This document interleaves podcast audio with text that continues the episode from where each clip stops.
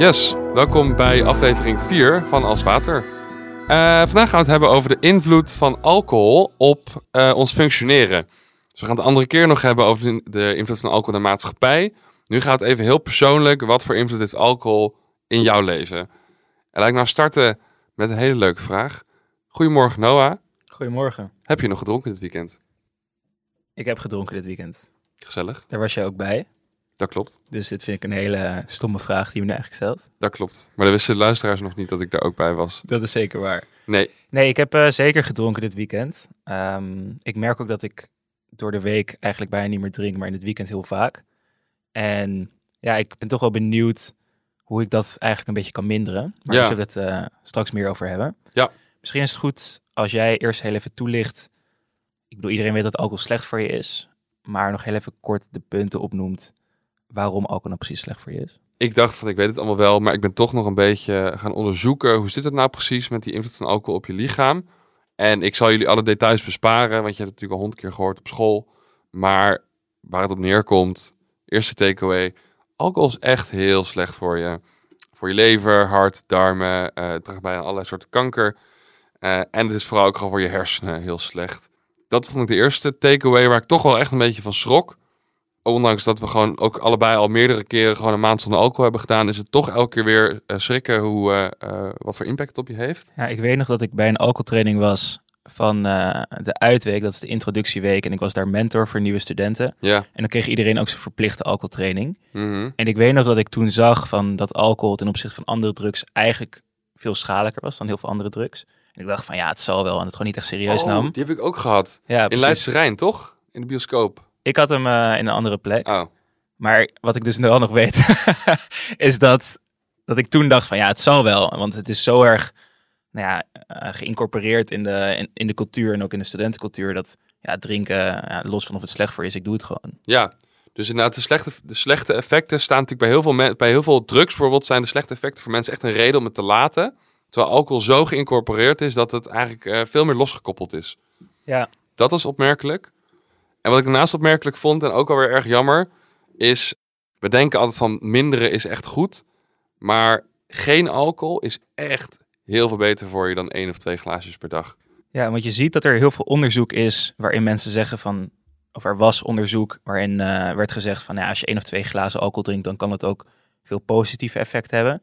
Maar nu is wel echt vastgesteld dat geen alcohol echt daadwerkelijk veel beter is dan één of twee glazen. Ja, weet je, elke keer... Maar je merkt ook, hè, de samenleving zoekt ook elke keer excuses om toch door te kunnen gaan met dat, met dat gezuip.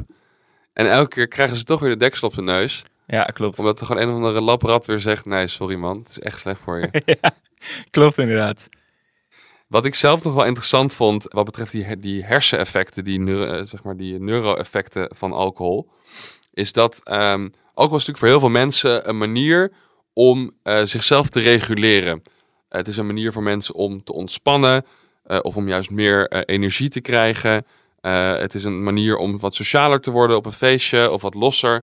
Maar alcohol draagt eigenlijk juist bij aan een verslechtering van jouw mogelijkheid om die dingen zelf te doen. Dus hoe meer alcohol je drinkt om te ontspannen, hoe moeilijker het wordt om zelf zonder alcohol te ontspannen. Je wordt er dus afhankelijk van. Maar uiteindelijk werk je jezelf ook best wel tegen als jouw doel is relaxen of juist sociaal worden bijvoorbeeld.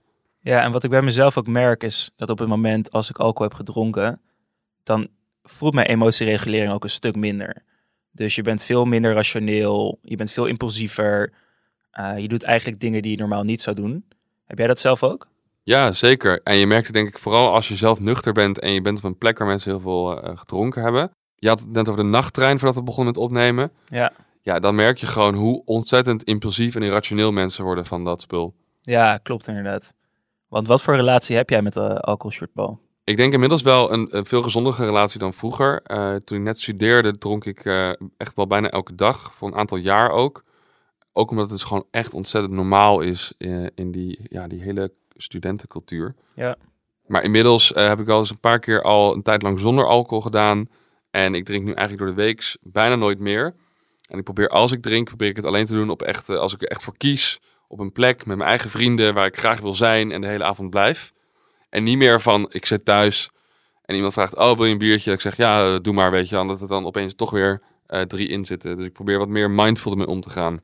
Maar het is nog steeds een moeilijke relatie natuurlijk. Hè? Want als het een hele onproblematische relatie was geweest... en ik had al deze onderzoeken gelezen...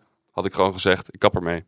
Ja, uiteindelijk zit het er toch wel zo diep in. Dat merk ik ook bij mezelf. Door de week vind ik het ook heel makkelijk om dan niet te drinken. Maar in het weekend associeer ik het toch een soort van... oké, even de remmen los. Lange werkweek achter de rug. Kunnen we even genieten met een biertje of met een wijntje. Ja, man. En dan merk je toch wel hoe erg het erin zit op vrijdag, de vrijdagmiddagborrel of op vrijdag drinken. Dat is zo genormaliseerd. Dat merk ik bij mezelf ook. Ja. En hoe harder ik heb gewerkt, hoe meer ik behoefte heb om die rem echt daadwerkelijk los te laten. Ja, die Vrijmibo is echt een soort cultureel instituut, hè? Ja, Mensen zijn er echt aan gehecht. ja mensen zijn er echt aan gehecht. Al moet ik zeggen, bij ons op kantoor hebben ze wel echt veel alcoholvrij bier. Dat vind ik heel chill. Ik drink ook nooit op kantoor eigenlijk. Ik dacht echt, weet je wat, dat kan. Maar als je dat eenmaal gaat doen, dan, ja, dan zijn een soort van, dan is het hek van de dam. Als je dan al daar op je werkplek al gaat drinken, waar dan niet, weet je wel? Ja, en we gaan het nog wel een aflevering hebben over daten. Maar wat ik ook merk met daten is hoe erg dan alcohol daarin zit. Gewoon als je vaak op een eerste date gaat, dan is het vaak even drankjes doen of even een biertje drinken. Ja, En dan merk je toch ook weer dat dat, dat heel erg een rol speelt. misschien toch ook voor de zenuwen, hè? Een beetje wat losser maken. Ja, Zeker bij, bij, eh, bij dates eh, best belangrijk. ja veel mensen hebben dat. eh. Ja, man. hey, maar je hebt ook wel eens een maand niet gedronken, toch? Ja, klopt. Zelfs een keer 50 dagen niet. Oké, hoe vond je dat? Ik vond dat wel heel bijzonder om mee te maken. Omdat ik echt merkte met name hoeveel scherper ik werd. Dus ik had gewoon veel meer concentratie. Ook als ik bijvoorbeeld vijf dagen geleden heb gedronken, dan merk ik alsnog dat mijn concentratie een stuk minder was dan toen ik, dan toen ik eh, 50 dagen niet dronk. Daarnaast was ik ook gewoon een stuk fitter en eh, werd een stuk beter. Hoe was het bij jou? Heb je dat ook wel eens gedaan? Ja, ik heb twee keer een maand niet gedronken. En twee keer dacht ik echt, wat is dit heerlijk. Kan ik hier voor altijd mee doorgaan? Ja? En twee keer ben ik toch weer gaan drinken. Ik vond het op een gegeven moment ook wel een beetje saai worden. Want als ik dan naar feestjes ging en ik hou gewoon best wel veel van uitgaan, Ja, dan merkte ik op een gegeven moment wel van, hey, dit verschil wordt wel heel groot met de mensen die dronken worden. Want vaak als ze dan een paar drankjes op hebben, dan kan je nog wel levelen. Maar op een gegeven moment niet meer. En ik merkte ook wel dat ik een soort van, nou ja, dat losgaan miste. het klopt hè. Je moet er echt, dat is het probleem, je moet er echt dingen verlaten. Ja. Feestjes zijn gewoon echt niet zo leuk meer. En dat ligt niet eens aan dat jij je geen lol kan hebben zonder alcohol.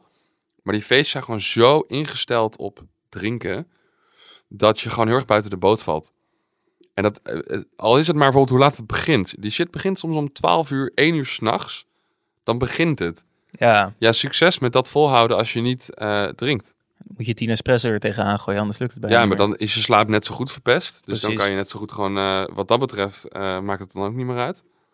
Ja. Dus het is, het, is, het is echt heel moeilijk om geen alcohol te drinken. Hè? En niet alleen omdat het heel moeilijk is om alcohol te laten staan. Maar ook met name echt omdat het zo in die maatschappij zit ingebakken. Dat het gewoon echt sociale consequenties ook heeft als je het niet doet. Klopt. En je merkt ook gewoon die druk.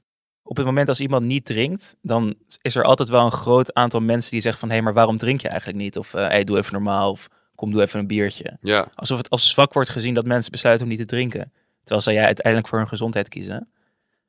Ja, zeker. Kijk, als je stopt met roken, dan zegt iedereen, ah, wat goed, weet je wel. Ja. Eh, knap van je, ik steun je daarin. Terwijl als je zegt, eh, ik eh, stop met drinken, in mijn ervaring, eh, behandelen heel veel mensen het bijna alsof je hun persoonlijk iets aandoet. dat is echt zo. Mensen zijn geraakt. Ik denk dat heel veel mensen er ook mee geconfronteerd worden dat iemand anders daar wel voor kiest. Ja, En dat ze dat stiekem zelf ook wel zouden willen.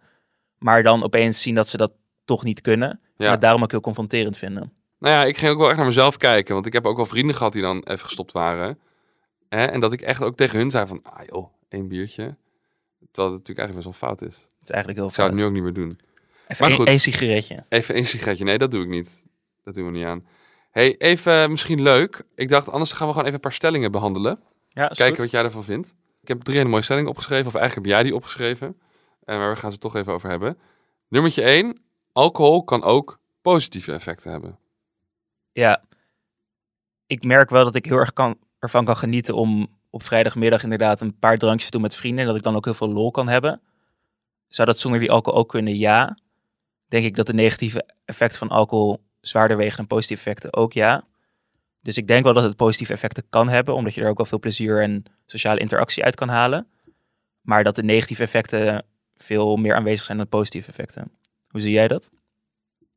Ja, ik denk als je het met mate kan doen, zonder N, dat het dan echt heel leuk is en, eh, en echt wel positief. Het heeft voor mij, ook- zeker toen ik echt jong was, heeft het echt wel eh, geholpen in mijn sociale leven met gewoon eh, me leren uiten, zeg maar. Oké. Maar zoals met alles geldt, zolang je met mate doet, blijft het leuk. Alleen de vraag is, hoe lang kan je dat? Het is gewoon moeilijk, weet je. Het is verslavend, dus het is al heel gauw iets waarvan je meer en meer gaat gebruiken. Wil je trouwens een grappig verhaal horen over dat met maten? Ja, Toen ik eh 12 of 13 was, dan had je al die alcoholreclames van Heineken in de bioscoop. ja. En toen stond er altijd drink met maten. En Ja. toen dacht ik van, maar dat is toch heel logisch dat je met vrienden gaat drinken? Mag je niet alleen drinken? Ik dacht oprecht dat maten dus helemaal geen woord was. Dat je alleen maten met een N had. Je dacht, het is gewoon fout gespeld of zo. ja, ik, dacht, ik snapte er helemaal niks van. Ik dacht, je gaat toch ook niet in je eentje Ja. drinken? ja, het zijn mensen die dat wel doen, nou, hè. Ja, dat is waar. Mensen aan alcohol zijn irritanter dan mensen aan drugs. Ja, je hebt het net al even genoemd, maar een perfect voorbeeld is inderdaad die nachttrein. Gewoon als ik kijk, mensen die heel erg dronken zijn, die zijn gewoon echt, houden gewoon nul rekening meer met andere mensen. Terwijl als je bijvoorbeeld in een trein zit met mensen die van een festival terugkomen en die eh, andere middelen hebben gebruikt, die zijn vaak veel meer ja, considerable voor, eh, voor anderen. Zie Ja. jij dat ook zo? Ja, man. Mensen eh, aan de alcohol zijn. Het is niet. We zijn net natuurlijk. Het is een prosociale druk waar je wat vlotter en losser van wordt. Maar het is ook echt een antisociale druk. Hè? Mensen worden minder empathisch, minder geduldig. Eh, bij sommige mensen kunnen ze echt, eh, echt chagrijnig worden of echt eh, agressief zelfs. Dus het is in die zin ook impulsief, wat je net zelf ook al zei. Dus ja, man, ik vind mensen aan alcohol, zeker als je zelf geen alcohol op hebt, echt een van de meest vervelende type mensen. Ja, ik sprak ook bouncers op festivals en ze zeggen bijna ook altijd, ja, ik heb veel liever dat mensen hier met een pilletje opstaan dan dat ik allemaal met van die dronken idioten moet dealen. Ja, Dus dat dat is je, ook ja, wel, eh, kan beter een knuffel ontwijken dan dat je een klap in je gezicht krijgt. Precies. Alright, de laatste stelling. Erg pittig. Een wereld zonder alcohol zou beter zijn dan een wereld met alcohol.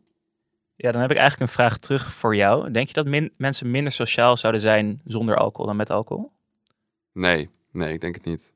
Nou, in dat geval, daar ben ik het principe wel mee eens, denk ik dat een wereld zonder alcohol wel echt beter zou zijn. Ja, Ik denk dat alcohol uiteindelijk meer leidt tot conflicten en tot problemen dan dat het echt eh, mensen nabij brengt en dingen oplost. Ook denk ik dat mensen een soort van de tendens verliezen om gewoon goed te kunnen communiceren los van alcohol. Soms hebben mensen echt een soort van drankjes nodig om pas Ja. zichzelf echt goed te kunnen uiten. Ja. En dat zie je met name in landen zoals Scandinavië. Toen ik daar woonde. zo, dat is niet normaal hè. Ja, Ik heb in Noorwegen gewoond. ja, ik in Zweden. Die mensen daar, die eh, zijn super introvert. Maar dan gaan ze drinken en dan komt er ineens een taal uit. Ja, al die opgekropte gevoelens Ja, komen er dan uit. Ja man. Ja, Ja, Noord-Europa. Toch altijd donker en zo. zeker. Alright. Nee man, als jij nu een toofstafje zou hebben, je zou kunnen zwaaien en je zou alle alcohol, de hele geschiedenis, alles zou je van de wereld kunnen laten verdwijnen. Zou je het doen? Ik vind dit soort vragen altijd heel lastig, omdat ik dan denk dat ik zelf niet geboren zou zijn. Nee, oké, maar niet met alle effecten, maar gewoon Snap alle ik. mentions of alcohol zouden nu weg zijn. Ik zou het wel doen, denk ik. Ja, ik Jij? ook. 100%. Ja, Ja, graag zelfs. Het lijkt me echt een heerlijke bevrijding als niemand meer met het spul bezig is. ik ben heel benieuwd hoe de samenleving er dan uit zou zien. Utopie. Een utopie. Iedereen gewoon dansen, veldjes vol met eh, fruitbomen. Hemel op aarde. Ja. Eh, geef eens wat tips. ja, we gaan naar de tips. Ja, tip nummer één is eh, gewoon het grenzen stellen. Dus van tevoren echt opschrijven en bedenken hoeveel je van plan bent om te drinken en hoeveel drankjes je van plan bent om te nemen. Je kunt namelijk bijvoorbeeld besluiten om één keer per week maximaal vier of vijf drankjes te drinken en je daar ook echt aan te houden.